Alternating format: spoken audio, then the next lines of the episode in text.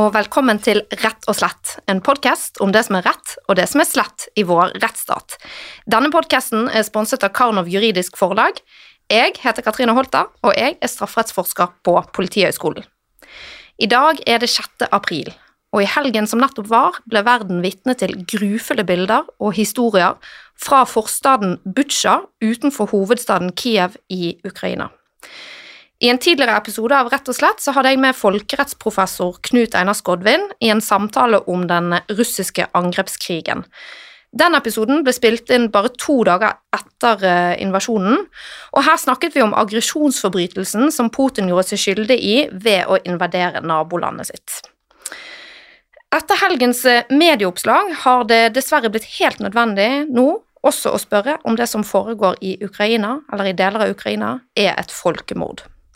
For at vi kan bli klokere på de forbrytelsene som nå skjer i Ukraina, har jeg fått med meg generaladvokat Sigrid Redse Johansen. Hun har eh, bakgrunn fra Forsvarets høgskole. Hun har eh, doktorgrad fra Universitetet i Oslo om krigføringsregler og militære sjefers handlefrihet i væpnet konflikt. Og eh, Sigrid har sittet i flere internasjonale ekspertgrupper for utvikling av reglene som kommer til anvendelse i væpnet konflikt. Velkommen til Rett og slett. Tusen takk for det. Aller først, kan du kort forklare til lytterne rett og slett hva en generaladvokat er? Ja, det er én generaladvokat i Norge, og generaladvokaten er leder for den etaten som heter Den militære påtalemyndighet. Og generaladvokaten og krigsadvokatene er da, som ordet tilsier, en del av påtalemyndigheten ved forfølgningen av militære straffesaker. Og så er vi rådgivere til militære sjefer når det gjelder utøvelse av disiplinærmyndighet i Forsvaret, dvs. Si refselser. Nettopp. Men um, generaladvokatembetet snakker man gjerne om òg. Er, er, det flere ansatte der, eller er det bare deg? Nei da, det er vår eh, etat, den etaten jeg leder, det er generaladvokatembetet. Så det er krigsadvokatene, og så er det meg. Og vi har kontor i Oslo og i Bodø. Så dere er på en måte Riksadvokaten bare innenfor det militære sporet? Nei, vi er ikke Riksadvokaten. Riksadvokaten er leder for all etterforskning eh, i Norge. Så i fredstid så er vi underlagt eh, i påtalesporet statsadvokatene, og i krigstid Riksadvokaten. Hva kan vi si om den utviklingen som har skjedd i Ukraina, etter at jeg hadde en innspill med Knut Einar Skodven to dager etter invasjonen? Det er jo Vi ser jo i hvert fall en veldig, veldig brutal krig. Uh, fullskala krig i Europa. Uh, og innledningsvis så var det veldig mange oppslag om bombeangrepene. Hva, hva, bombene traff. etter over en måned så, så er ofrene for krigføringen kommet mer frem. så vi ser konsekvenser av en beleiringskrig. Vi ser konsekvenser av at humanitære korridorer ikke er åpne. Spørsmål knytta til fangebehandling, ser vi. Spørsmål om ødeleggelse av eiendom og hva som egentlig er plyndring i krig, og hva som er lovlig ødeleggelse av eiendom. Og vi ser spørsmål knytta til enkeltpersoners beskyttelse mot å, å, bli angrepet, rett og slett. Eh, sivile personers eh, beskyttelse. I dagens episode så har jeg òg fått med meg førsteamanuensis Sofie Høgestøl fra Universitetet i Oslo. Hun er for mange kjent som USA-ekspert, men hennes eh, forskningsfelt er internasjonal strafferett. Og i sin doktoravhandling så tok Sofie for seg kriteriene for hvordan Den internasjonale strafferettsdomstolen skal velge ut saker til straffeforfølgelse ved eh, store internasjonale forbrytelser. Så hun er rett og slett eh, ekspert på iretteføring av forbrytelser innenfor den internasjonale strafferetten. Velkommen også til deg, Sofie. Takk. Kan vi per i dag vite om det som har skjedd i Butsja er et uh, folkemord? Det er et godt spørsmål, og det beror jo på hvordan man definerer disse forbrytelsene. Og det har jo vært mye internasjonal debatt i mange tiår om hvordan man skal definere folkemord, um, forbrytelser mot menneskeheten og krigsforbrytelser, som vi ofte tenker på som kjerneforbrytelsene i den internasjonale strafferetten. Og da pleier jeg å illustrere forskjellen mellom de tre forbrytelsene via drap. For det at internasjonale forbrytelser er jo ofte består jo ofte av en del vanlige forbrytelser som blir begått i en spesiell kontekst. Så det som gjør noe til et, en krigsforbrytelse, og ikke bare et vanlig drap i en vanlig fredstid, det er at personen f.eks. er sivil og er drept av en militæroffiser som ikke hadde eh, tillatelse under krigens folkerett til å skyte vedkommende. Men hvis vedkommende dør for eksempel som følge av at de er i en interneringsleir, type Auschwitz eksempel under andre verdenskrig, så ligner det mye mer på en forbrytelse mot menneskeheten. For det som kjennetegner en forbrytelse mot menneskeheten, det er at det er et system som ligger bak, og at det er ganske utbredt. Um, og da er sånn klassiske eksempler for eksempel en, en form for interneringsleir. Og sist, men ikke minst, så har du folkemord, og folkemord er nok noe mange lyttere har hørt om. Eh, og det som kjennetegner folkemord, litt til forskjell fra de andre to forbrytelsene, for da er det jo mye konteksten forbrytelsen skjer, og så er det en krigssituasjon. Sant? Eh, gjelder krigens folkerett? Det, liksom, det, blir en krigsforbrytelse. Eller er det mer en forbrytelse mot menneskeheten? Det som kjennetegner folkemord, derimot, det er nok egentlig hva gjerningsforbryteren har som intensjon. Hvorfor de dreper vedkommende. Ikke, ikke nødvendigvis hvilken kontekst den skjer i. For folkemord kjennetegnes ved at den som dreper, har hatt et ønske eller en intensjon om å rett og slett utslette folkegruppen eller etnisiteten eller religiøse minoriteten som personen hører til. Um, og da er jo det klassiske eksempelet som vi alle kjenner, jødene under andre verdenskrig. For å vite om det som skjer på bakken i Ukraina nå er et folkemord, så må vi vite mer om hva intensjonen bak drapene er fra, de, fra militære som gjør det. For jeg tror nok at mange tenker at folkemord er lik massedrap. Sånn, hvis det skjer et massedrap, så er det et folkemord. Men sånn er det ikke. Det kan være et massedrap uten at det er et folkemord. Det som sagt som gjør det til et folkemord, det er at gjerningspersonen har den intensjonen om å ødelegge en hel folkegruppe. Og det gjenstår jo å se om det, det, er det som har vært intensjonen bak en del av disse grufulle massedra, massedra, en del av disse grufulle massegravene som vi ser på bakken nå. Mm. Var det et godt svar? Det var et ja. veldig godt svar. Um, og um, jeg har jo også jobbet litt med folkemordhensikt i forbindelse med min uh, doktoravhandling, og uh, Folkemordhensikten er jo helt sentral, for den på en måte kommer inn, og så er det det som på en måte omdefinerer handlingen fra å være et eh, drap et, og et angrep rettet mot et individ, fra å være, eller til å være et angrep som er rettet mot å ødelegge helt eller delvis en folkegruppe. Så det er på en måte det er på en måte ikke bare i hermetegn her eh, et angrep på liv, men det er også en handling som i sin mening nekter en folkegruppe deres rett til eksistens, som man gjerne sier. Og, og det er det som gjør også da at dette blir et angrep på kollektive rettsgoder, som, sånn som fundamentale menneskerettigheter, demokrati, internasjonal fred og sikkerhet.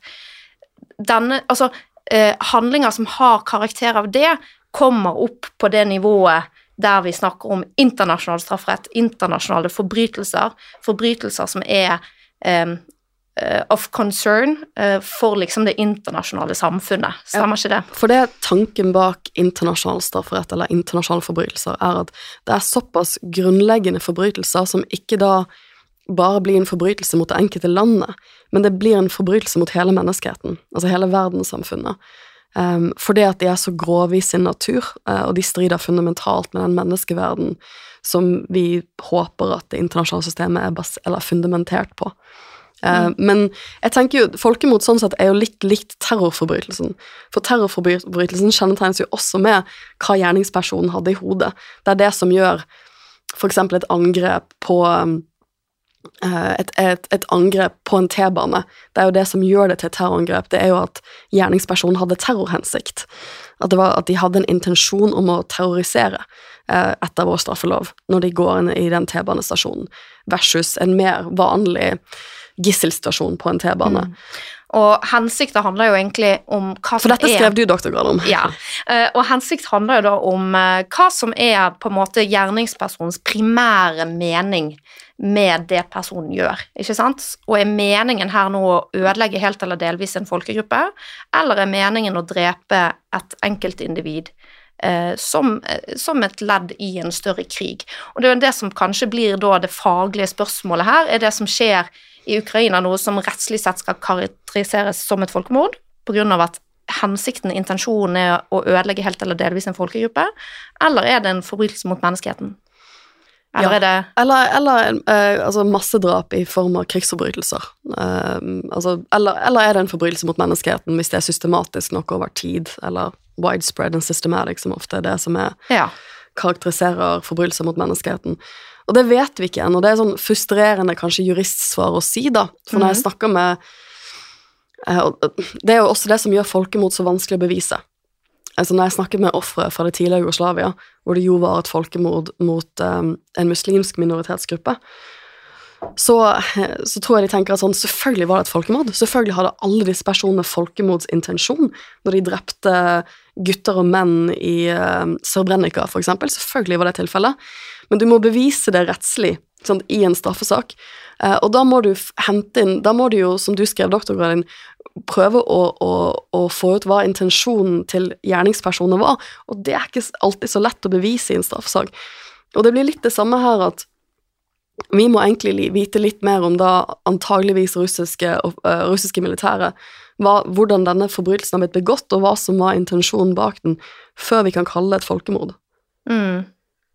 Og, men eh, Sigrid, altså, kan du hjelpe oss å forstå litt hvilke ulike typer regelsett som er i spill her, og, og hvilke mm, funksjoner disse regelsettene har?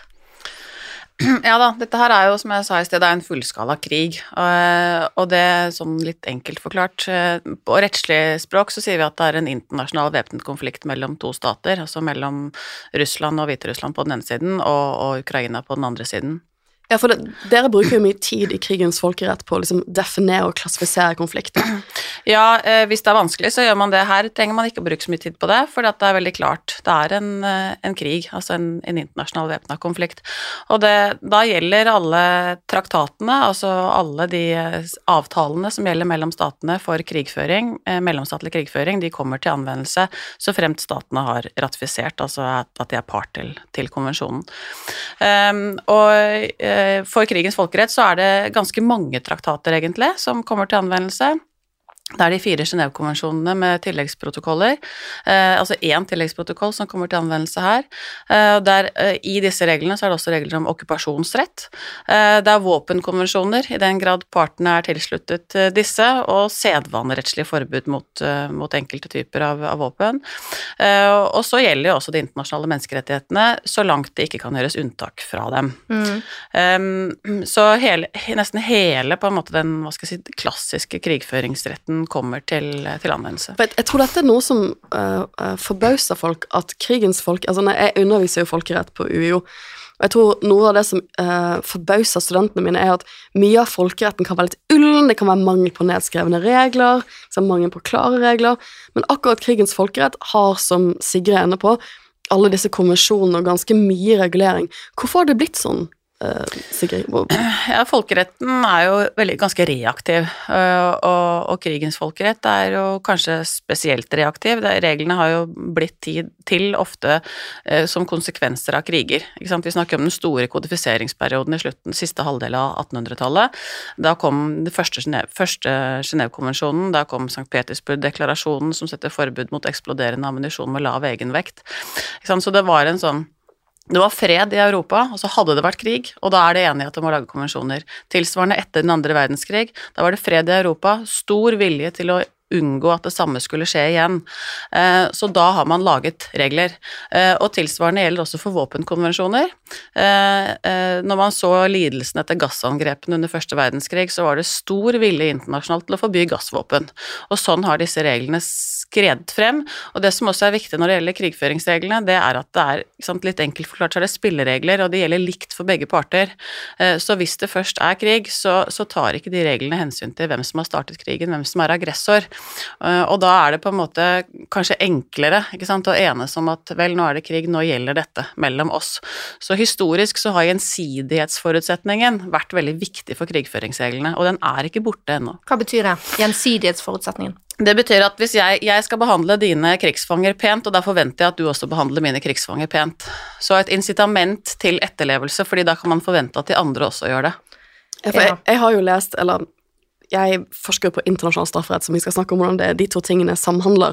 Men jeg tenker jo litt på det sånn at um, at verden har lagd disse reglene som du sier, som en reaksjon på kriger hvor man har blitt enige om at vet du hva, vi har ingen interesse av at våre soldater drepes i inhumane gassangrep. Sant? Vi vil ikke at våre soldater skal drepes sånn. Da kan vi gjensidig være enige om at vi bruker ikke de våpnene. Um, så det er jo sånn, de, de, disse reglene har jo kommet som et bakteppe av ganske grusomme erfaringer man har gjort seg i krig. Mm. Da, men for å forstå dette her forholdet mellom den internasjonale strafferetten og eh, krigens folkerett Det kan man skrive doktorgrad om, det er et stort tema. Ja, eh, helt overordnet av så, Hva er det som er distinksjonen, eller er, er den internasjonale strafferetten en del av krigens folkerett også? Nei, ikke sånn Kanskje det kommer litt an på hvordan man, hvilke paraplyer man lager over regelsettene, men, men eh, det er jo en plikt i den internasjonale Altså i krig, krigens folkerett så er det en plikt til å håndheve brudd på krigføringsreglene. Og grove brudd på krigføringsreglene, f.eks.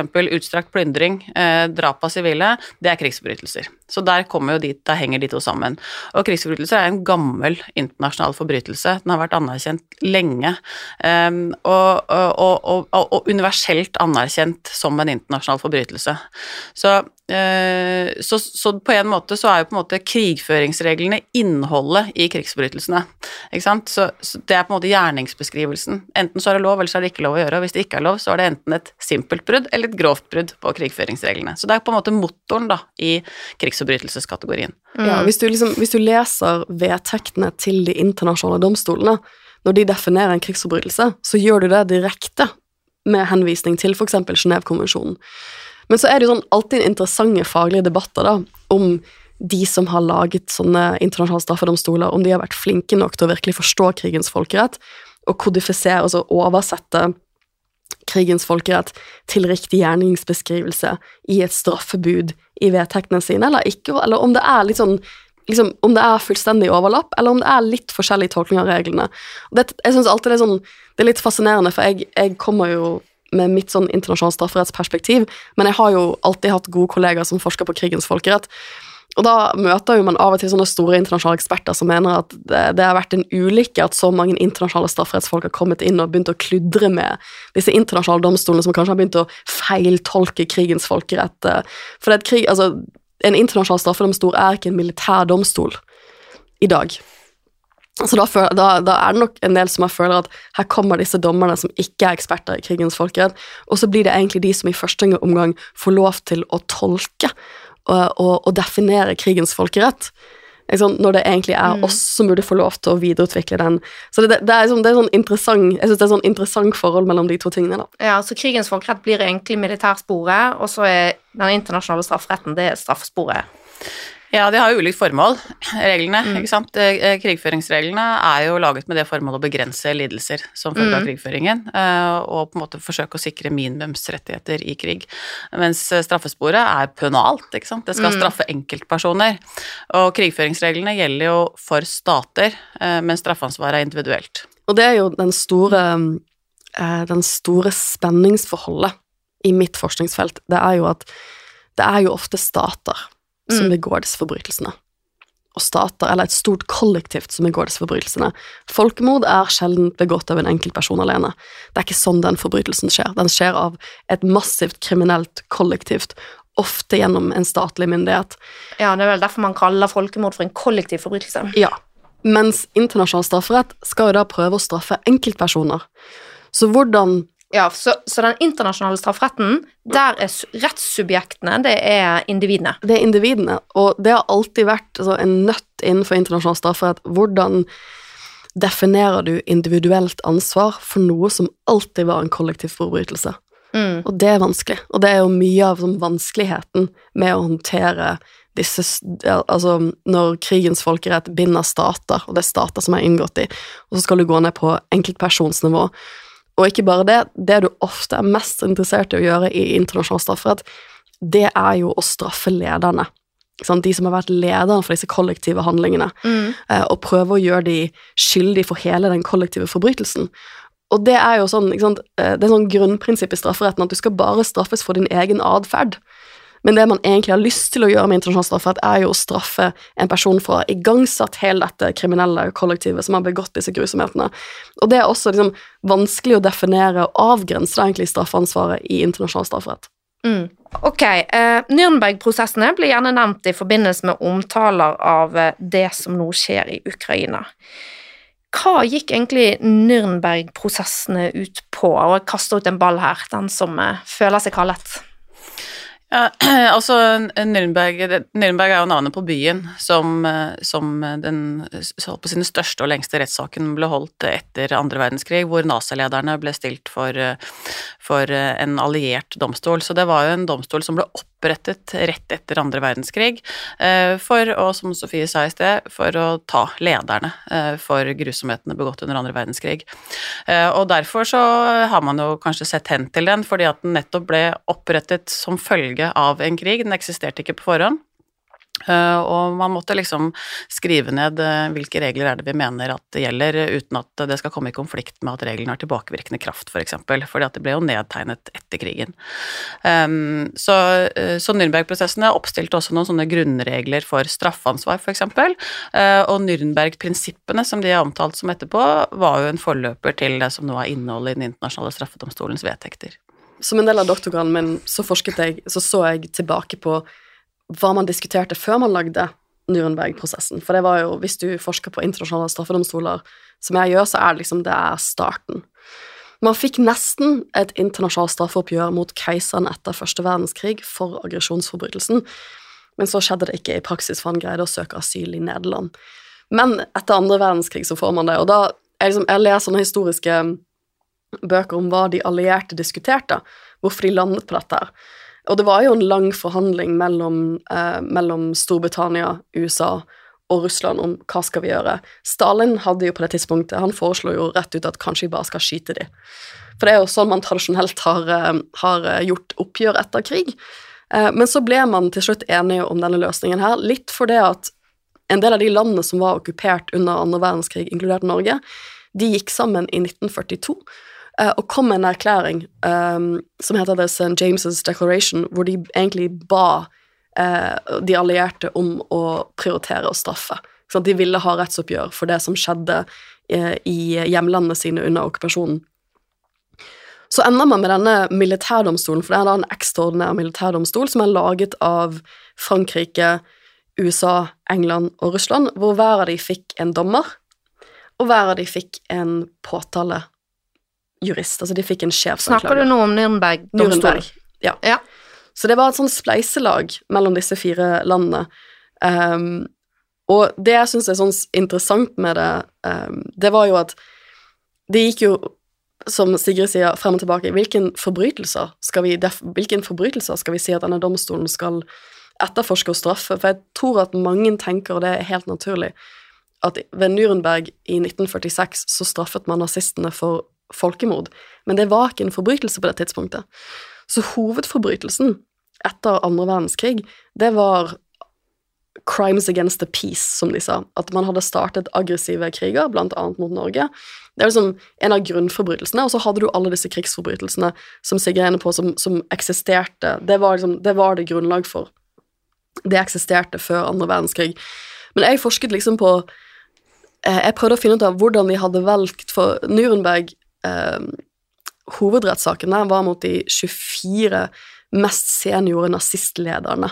Og jeg prøvde å finne ut av hvordan valgte de disse personene, for det var det doktorgraden min handlet om. Hvordan mm. velger du ut disse lederne? Og her kan jo bare lytterne merke seg at dette kan jo bli et relevant spørsmål også i ja. forbindelse med hva som skjer nå i Ukraina. Hvem skal man velge ut til å straffeforfølge den dagen oppgjøret kommer? Ja.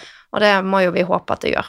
Ja, og det, det, det, er jo ofte slik at disse konfliktene og krigene kjennetegnes jo ved at det er kanskje flere hundre tusen som har vært med på forbrytelsen.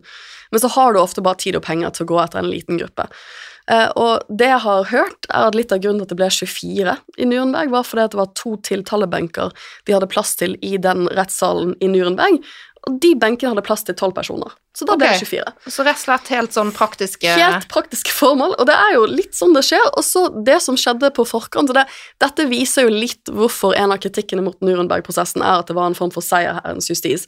For det som skjedde, var at eh, Russland, eh, særlig England, England tok initiativ, og USA, de sendte liksom eh, brev seg imellom om hvem de mente var mest ansvarlig.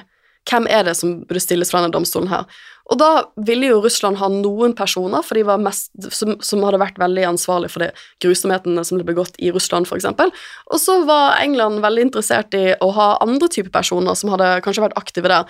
Så de rett og slett utvekslet fangelister med personer de hadde i varetektsfengsling. For de måtte ha tilgang til disse forbrytelsene. Og så ble de til slutt enige om denne 24 Så det, det var ikke den mest sånn objektive utvelgelsen av personer. Og det er en sånn interessant historisk Jeg er ikke historiker, men jeg syns alltid det er en sånn interessant historisk kuriositet at det var nok andre personer som var aktuelle, som sikkert var ansvarlig for like store grusomheter, men av altså diverse praktiske grunner så ble det ikke valgt ut. Så endte man opp med de 24, og det var mm. de man straffet. Hva er de viktigste lærdommene fra Nürnberg-prosessen, da? Nei, så Jeg har svart på flere spørsmål i det siste at uh, hvis det er vilje, internasjonal stor vilje uh, til straffeforfølgning, så ser man at det kan skje. og så er det som Sofie sier, at Nürnberg-oppgjøret var jo seier, her i justis, utvilsomt. så det er klart at det er viktig å ha med seg, ikke sant? at det er mye lettere politisk å få til noe hvis, hvis det er seierherre hvis, hvis man er seierherre etter en krig, da. Um, og så er det jo sånn at folkeretten lages av stater. Det stater gjør, og det stater mener skal være rett, det blir etter hvert rett. Det er liksom vilkårene i folkerettsdannelse. Så det betyr noe hva alle statene til sammen mener. Du har jo skrevet eh, litt om militære sjefers handlefrihet i væpnet konflikt. Og da lurer jeg litt på, hvis vi, hvis vi, nå går tilbake til Ukraina og det som skjer på bakken der, eh, og de bildene som vi har sett nå fra Butsja nå i helgen. Hvilken handlefrihet har de soldatene som er på bakken for Russland i dette? Er det, er det, er det noen som tvinger de til å, å drepe og torturere sivile? La oss si at det er det som har skjedd, da. Vi får ta et lite forbehold her, men mye tyder på det nå. Ja, da, da stiller du egentlig Det er flere spørsmål i ett der, egentlig. Tvang er ett spørsmål. Eh, handlefrihet, eh, det er jo I utgangspunktet så har militære sjefer, eller eh, stater egentlig, da, har ganske stor handlefrihet. Eh, altså Krigføringsreglene tillater egentlig veldig mye. De tillater jo store ødeleggelser. De tillater at sivile liv går tapt at sivile blir skadet og drept, og at sivil eiendom går, eh, blir ødelagt. Det tillater reglene. Um, og så kan stater og de militære styrkene, da, litt avhengig av hvor stor handlefrihet staten gir sine militære styrker, for det er på en måte også med her, uh, de kan jo velge om de vil gå på en måte inn med et, vi kaller et lett fotavtrykk eller tungt, ikke sant, om de vil ha et massivt overraskelsesangrep eller ikke, og det er klart det blir mer ødeleggelser av det ene enn av det andre. Men, men bare Uh, dette her um, får meg til å tenke på noe som vi snakket litt om i denne episoden med Skodvin. Mm. Uh, fordi at der snakket vi om dette med terrorbombing, ikke mm. sant? Som legger det også som et viktig premiss i krigens folkerett at du kan ikke drepe sivile med intensjon, altså du kan ikke angripe sivile mål med intensjon, men at det kan være greit at de blir på en måte collateral damage, altså at, eh, at, de dør som en sidefølge av at man sikter på militære mål. Ja, og det er, derfor, det er nettopp derfor jeg sier at i utgangspunktet så er jo disse reglene ganske vide tillatelser også, ikke sant. Det er tillatt å rette angrep, og det er tillatt å rette angrep vel vitende om Du kan til og med planlegge med at du retter et angrep så lenge det er rettet mot et militært objekt, så kan du planlegge med at også sivile liv vil gå tapt, så lenge ikke de sivile følgeskadene er uforholdsmessig store, så du må alltid foreta en avveining. Og den kritiske avveiningen, altså proporsjonalitetsprinsippet, hvor, hvor stor er den militære nytteverdien veid opp mot hvor store de sivile tapene er, det er jo en mm. nesten umulig eh, vurdering å foreta.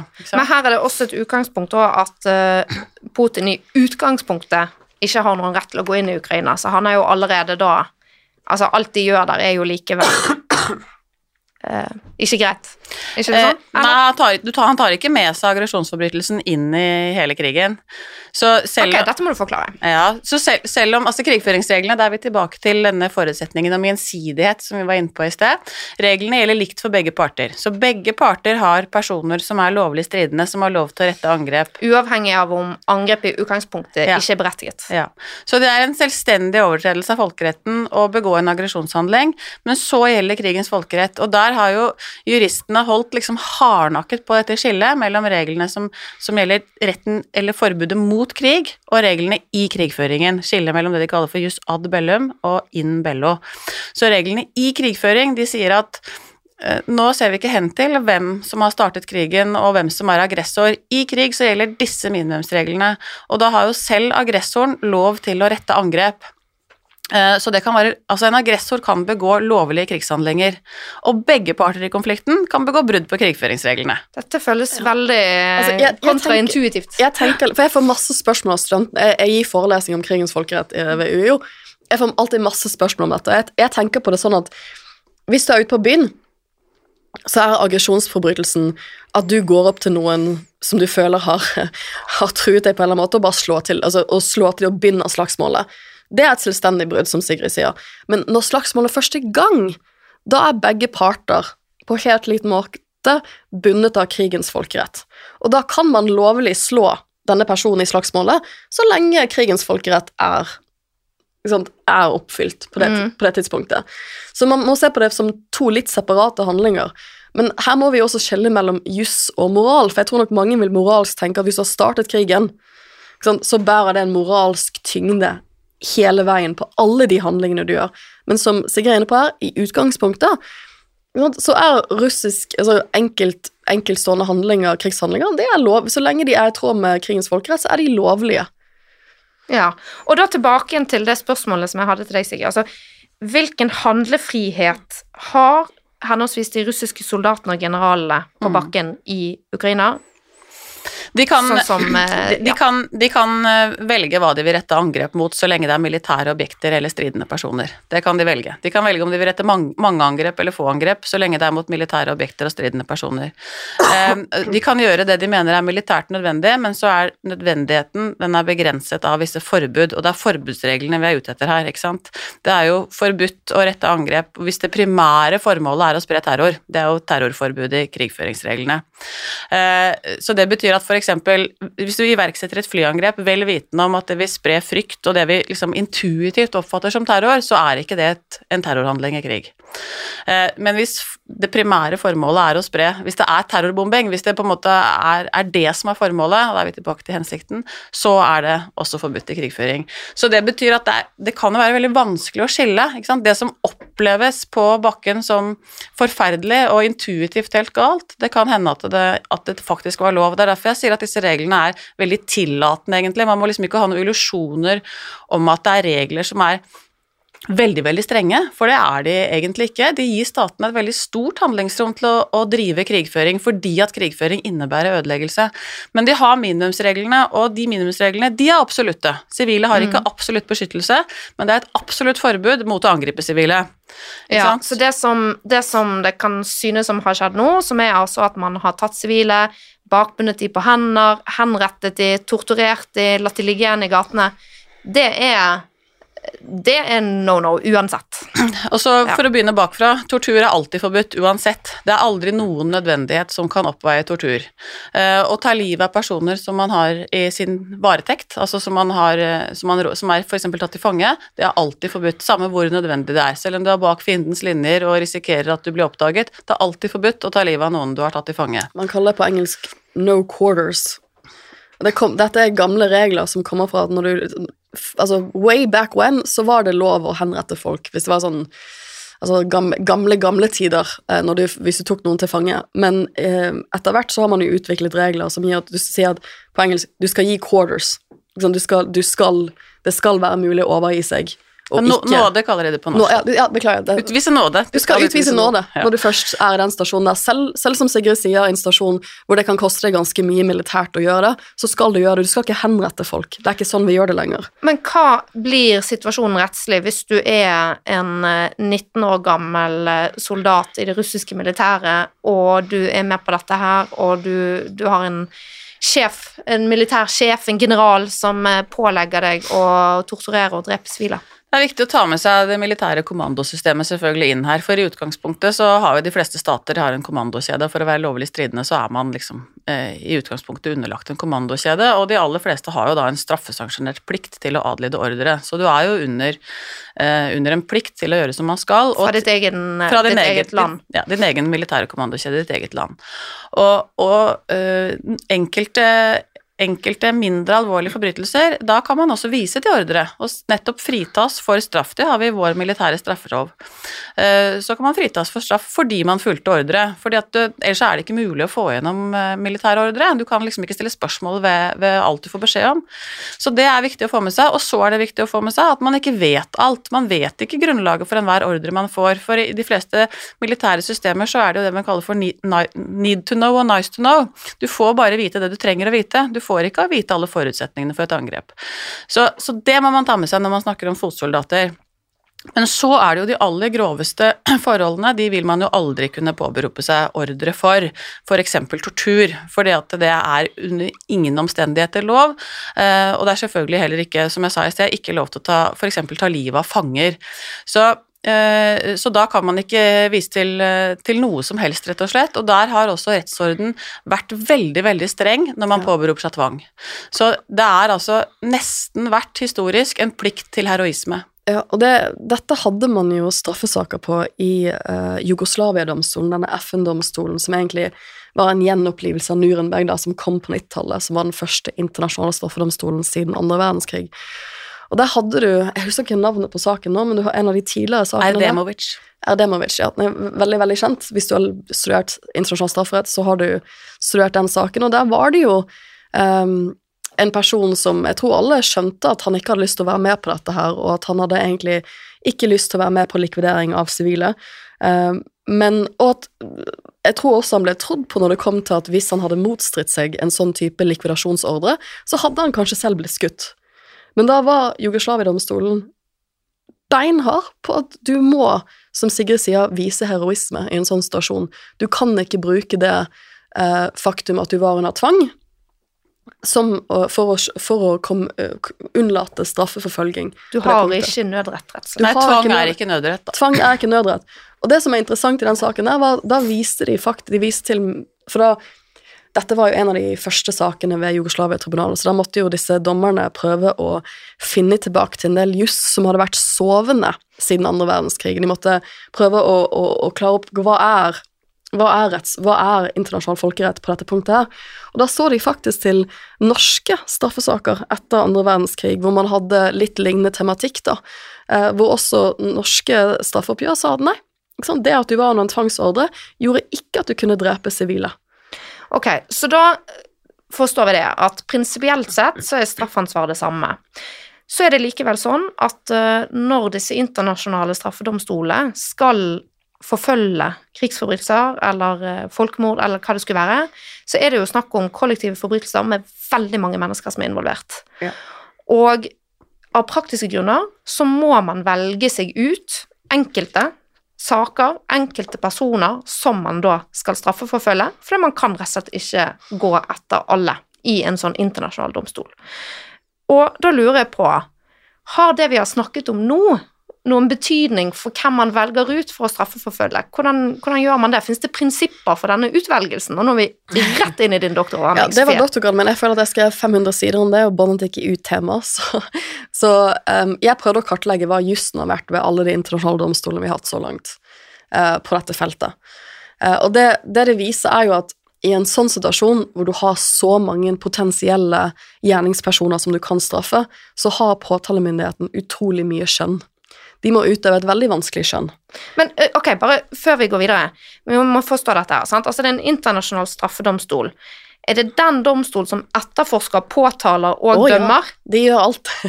Ja. det, det, Det er jo en viktig forskjell fra de nasjonale rettssystemene, der dette skal være politi etterforsker, påtalemyndigheten ja, hvis, du, hvis, du, rettefører og domstolene hvis vi går tilbake til i rettefører, blir feil. Ja, Hvis vi går tilbake til Jugoslavia-domstolen, altså, de blir opprettet midt i borgerkrigen i Jugoslavia. De får et oppdrag om å, å straffe på en måte man ikke hadde hatt internasjonalt siden andre verdenskrig, og så måtte de prøve å finne ut av hvordan det skulle foregå. Og da fikk man jo litt dette prinsippet om at man hadde en samlet påtalemyndighet som også hadde politi- og etterforskningsmyndighet. Så hvis du er sjefsanklager, altså toppsjefen eh, for påtalemyndigheten med en sånn domstol, så har du et stort ansvar. For du skal lede etterforskningen av forbrytelsen på bakken. Så skal du systematisere den informasjonen du får inn, og så skal du velge ut hvem du skal ta ut tiltale mot. Eh, og det er ganske vanskelig, for tanken, eller det man fikk etter første verden, eh, andre verdenskrig, det var en slags arbeidsfordeling. Og det var man ganske tydelig på i, eh, i løp det ble, det ble tydelig staket ut av de allierte under andre verdenskrig, og det var at de som er mest ansvarlig, toppforbryterne, de stilles for internasjonale løsninger, mens bakkesoldatene, de det er bedre om de straffes gjennom nasjonale rettsoppgjør. Og det var litt det vi gjorde i Norge. ikke sant? Vi hadde jo, I Norge hadde vi jo veldig mange straffesaker etter andre verdenskrig gjennom vanlige norske domstoler. Mens i Nuremberg så var det bare 24 personer som ble stilt for den domstolen. Men Jugoslavia-domstolen, når de ble opprettet uh, på midten av 90-tallet, så hadde jo, de hadde jo ingenting å gå etter.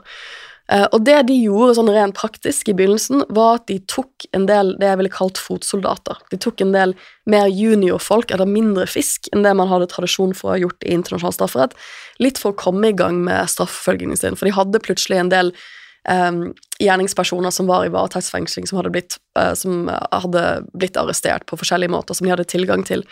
Så de begynte å straffeforfølge personer som var litt lavere ned på treet, det jeg tenker på sånn ansvarlighetstreet, for å bygge opp til de store ledersakene.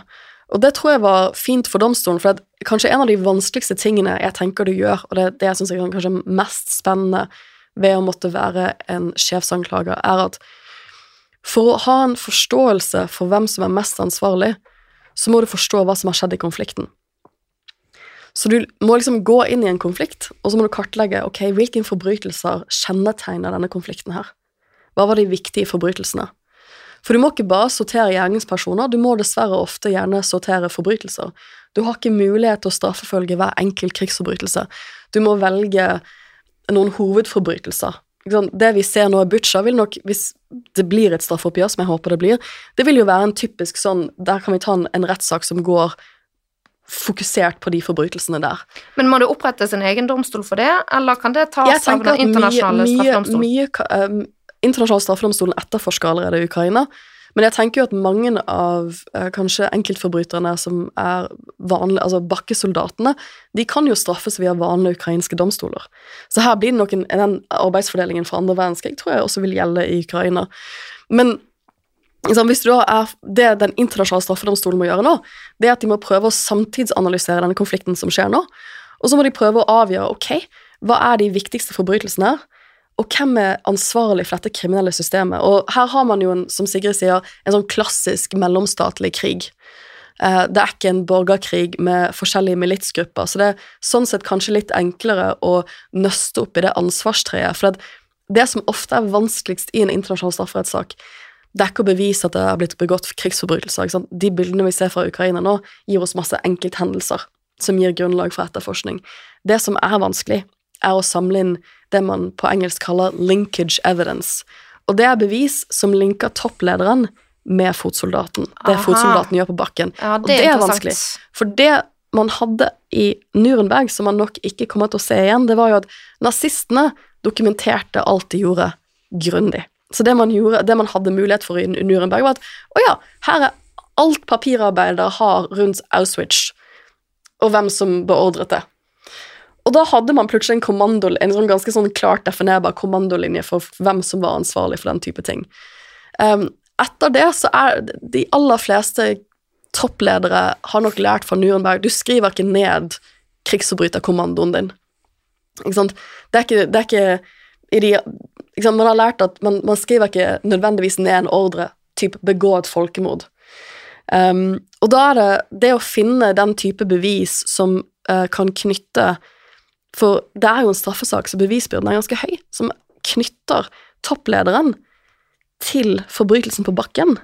Det er vanskelig, og det krever ofte vitner, og gjerne vitner som har vært i de rommene mm. hvor de beslutningene har blitt tatt, og det betyr jo også egentlig personer som også har vært med på disse forbrytelsene.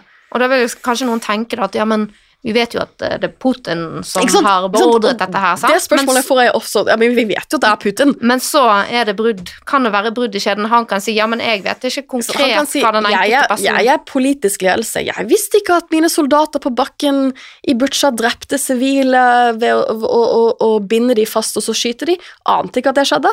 Men har ikke han uansett et slags medvirkningsansvar? Kommand kommandoansvaret er jo viktig å nevne i den sammenheng, for eh, kommandoansvaret som på en måte ble, ble festet i papiret under rettsoppgjøret etter andre verdenskrig, er jo et ansvar for, for topplederne, enten militære eller sivile, eh, hvor de holdes ansvarlig for en handling som om de hadde begått den selv, hvis de ikke har gjort nok for å hindre den, eller for å iretteføre bruddet. En slags medvirkning, egentlig. Ja, en slags veldig vid medvirkning, Det er da. veldig, altså Man har lagd veldig vide medvirkningsregler eh, for internasjonal strafferett. Også fordi at, og det, det er ofte disse medvirkningsreglene som er kanskje det vanskeligste jussen man må lage. For man prøver å lage medvirkningsregler som fanger opp at denne personen på toppen av skjeden, som ikke har vært til stede under forbrytelse Kanskje de har vært i et annet land? altså Putin er jo ikke i Ukraina engang. Men det er egentlig han som er mest ansvarlig. Du må, du må lage eh, juss som faktisk fanger opp at i vanlig strafferett så tenker vi at det er den fysiske forbryteren som er mest ansvarlig. Sant? Det er personen som faktisk knivstakk den andre Og som er hovedforøver i Som er hovedforøver. Ja. Og så har man et medvirkningsansvar i strafferetten som utvider til alle som på et eller annet vis bidrar, osv. Du da planleggingen eller gjennomføringen på en eller annen Ja. måte. og, men så blir jo dette, denne medvirkning, altså denne, denne ansvarsfordelingen der man vanligvis tenker på en hovedforøver og en medvirker, den blir jo allerede utfordret hvis du tenker deg at noen bestiller et leiemord. Ja. Er det da leiemorderen som er hovedforøver, eller den som har bestilt leiemordet? Men da er det etter norsk strafferett så er det sånn da at det er den som fysisk begår drapet, som er hovedmann. Og det er kvinne. sånn i nasjonalretten at vi tenker at det er den fysiske forbryteren som er mest ansvarlig, eller mest klandreverdig. Men det blir jo snudd opp ned internasjonalt internasjonal strafferett. Vi tenker at de personene som kanskje er lengst unna den fysiske forbrytelsen, det er de vi tenker på som mest ansvarlig. Vi tenker på hos Putin som mest ansvarlig i denne stasjonen, ikke den 19 år gamle soldaten på, russiske soldaten på bakken. Så det snur jo opp ned, og det er kanskje derfor dette snur jo opp ned på tradisjonell strafferett totalt. Og Derfor har de reglene vært ganske vanskelig å lage internasjonalt. Um, og det er også den biten av rettssaken som er vanskeligst å eller er mest viktigst å bevise. For kan du ikke bevise det, så har du en del krigsforbrytelser på bakken, men du, har, du kan ikke feste det straffeansvaret Nei. på topplederen. Og det blir jo et problem når du da skal bevise folkemordhensikt. sant? Ja. Hvem er det som skal ha folkemordhensikten, og så må du ha kunnskap om andres folkemordhensikt osv. Er det Putin som skal ha det? Er det, er det 19-åringen på bakken? Er det generalene? For Putin må også, altså i en sånn type, altså en sånn type fiktiv sak, da, så vil også, må topplederen også ha folkemordshensikt. Du må kunne bevise at, at han må ha den samme hensiktskravene som det den fysiske forbryteren har. Og det er ofte vanskelig, og det var jo noe de um, så vanskeligheten av i Jugoslavia-tribunalet. da brukte de jo masse tid på dette. Jeg tror det var veldig, takkne- jeg tror det var veldig lettet. Jeg så på noen av de siste sakene de hadde, var jo mot disse topplederne. Og du så nesten jeg sånn li live så når dommene ble lest opp, og du så nesten hvor, du så hvor utrolig lettet påtalemyndigheten var når, det, når en del av de ble dømt for, for folkemord, for de visste at det er det mest sensitive forbrytelsen som har blitt begått, men også utrolig vanskelig å bevise at en toppleder har hatt den hensikten. Så det, jeg tror det var sånn, ofte sånn størst tvil knyttet til en del av de tiltalepunktene. Mm. Så, det, men det er jo ting, man har masse erfaringer. Man har masse, masse, man, man er ikke i 1993. Man må ikke gjenskape og fornye den jussen. Vi har jo 30 år nå med masse internasjonal strafferettserfaring som ligger klart nå. Og hvis jeg kan ta en liten sånn eh, nerdedigresjon til eh, det norske straffebudet mot folkemord, så står det der altså at eh, eh, for å dømmes for folkemord, så må hovedforøver Nei, medvirkeren må ha eh, kunnskap om hovedforøverens folkemordhensikt, som egentlig etter norsk strafferett betyr da at Putin må ha kunnskap om den 19 år gamle fotsoldaten i Ukraina sin folkemordhensikt, som da forutsetter at det er 19-åringen som har en hensikt om å ødelegge helt eller delvis en folkegruppe. Men det passer jo ikke. Ikke sant? For det som er typisk, er at 19-åringen utfører ordre som man ikke burde utføre, eh, og så burde det være 19-åringen som skal ha kunnskap om Putins folkemordhensikt. Ikke sant? Det det som ville vært eh, en mer naturlig regulering av det, og derfor så kan det være grunner til at man i det norske folkemordforbudet bør tolke hovedforøver eh, på en annen måte enn det som er lagt til grunn i forarbeidene. Og dette er jo interessant, for det at jeg har forsket litt på hvordan kom disse reglene inn i norsk rett. Jeg ble spurt om å bidra med et sånt eh, kapittel om liksom, hva er, hvordan har Norge kriminalisert internasjonale forbrytelser.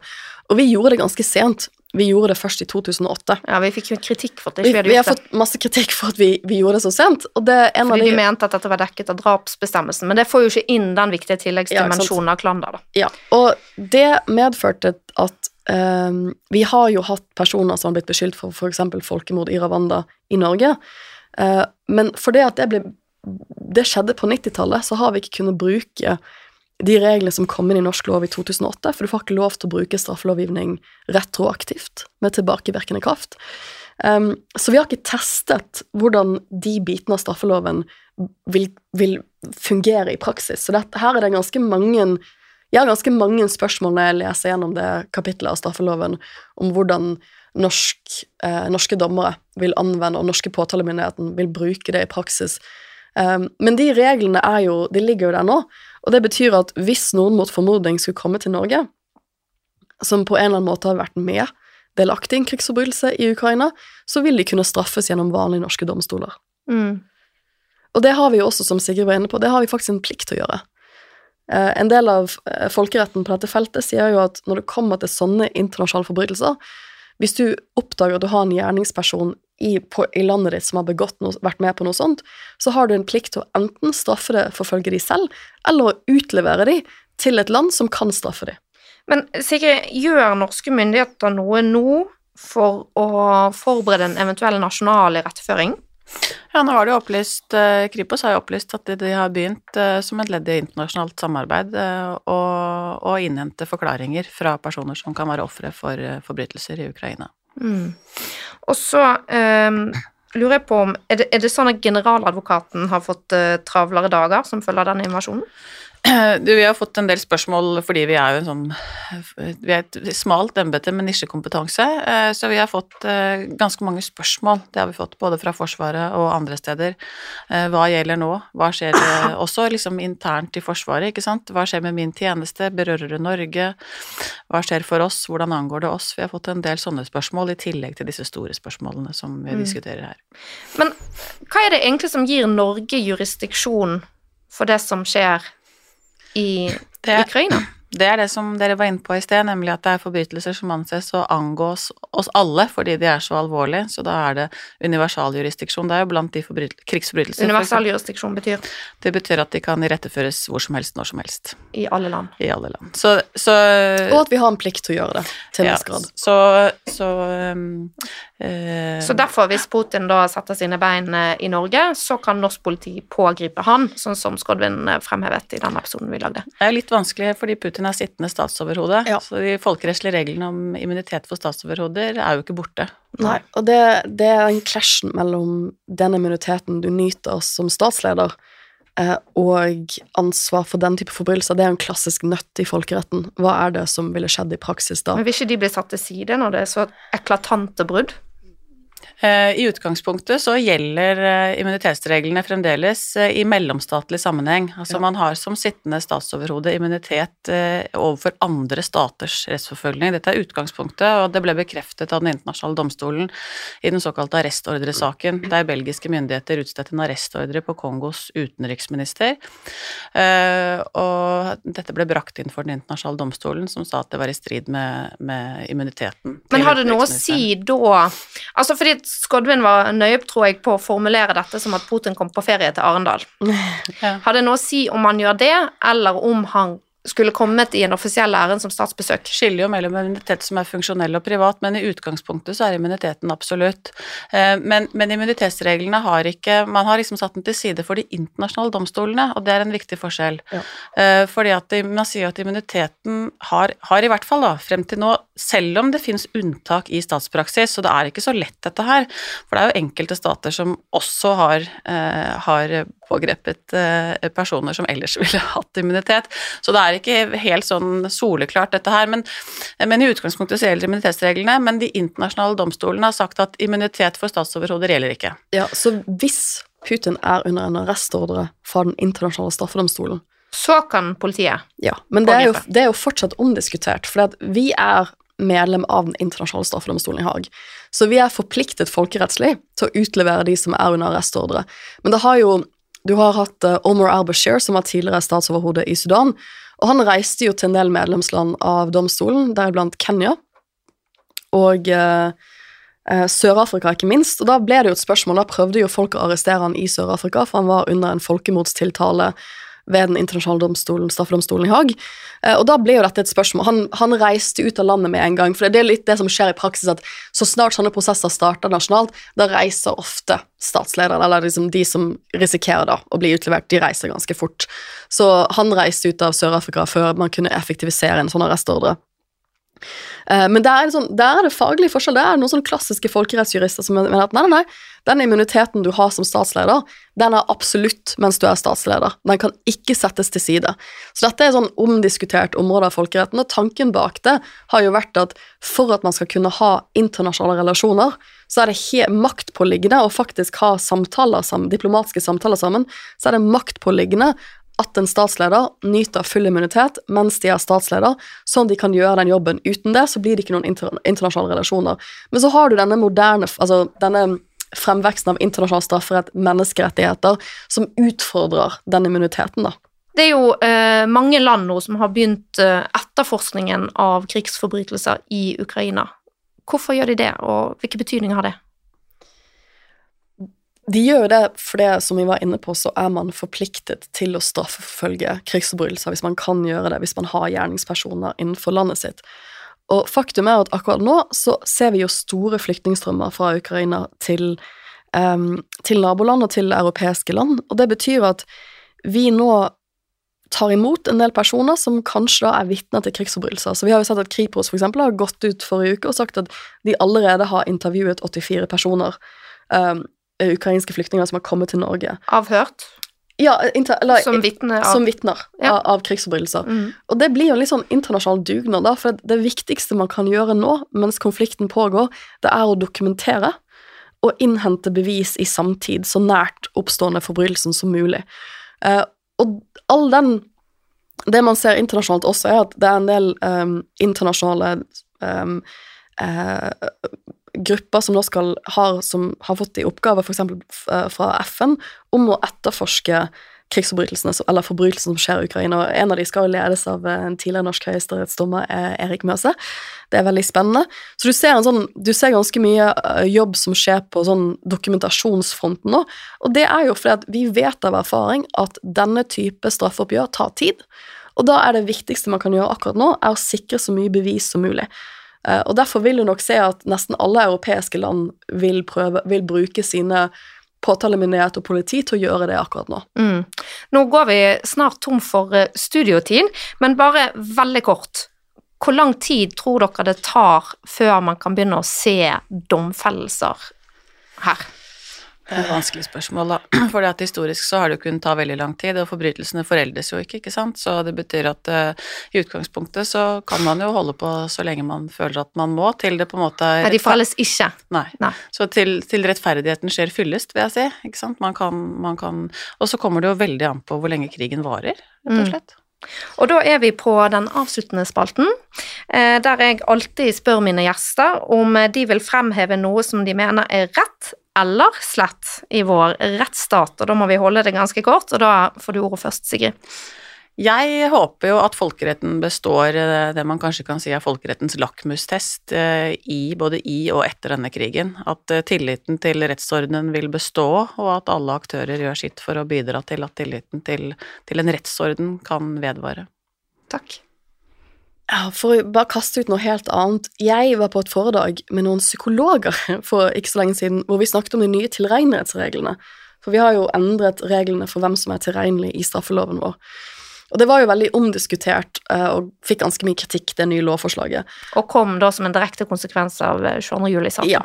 Eh, og nå har jo den bestemmelsen i straffeloven vært der en liten periode.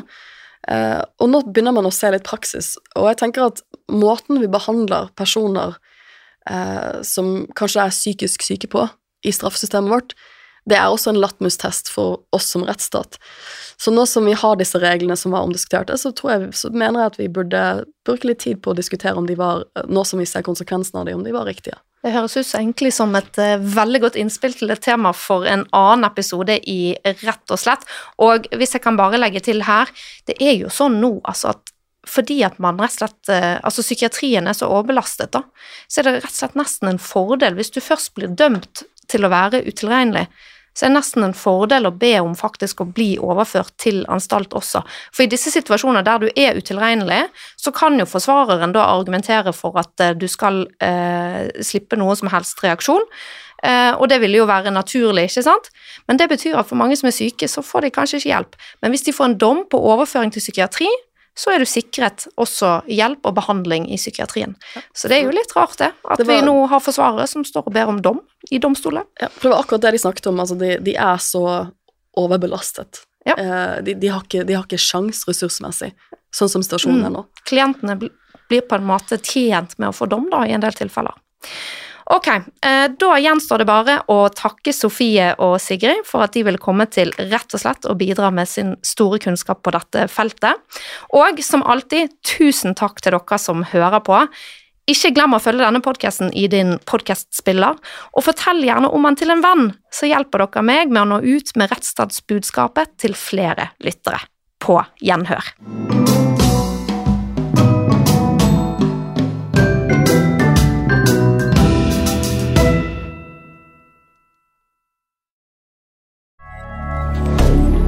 moderne media.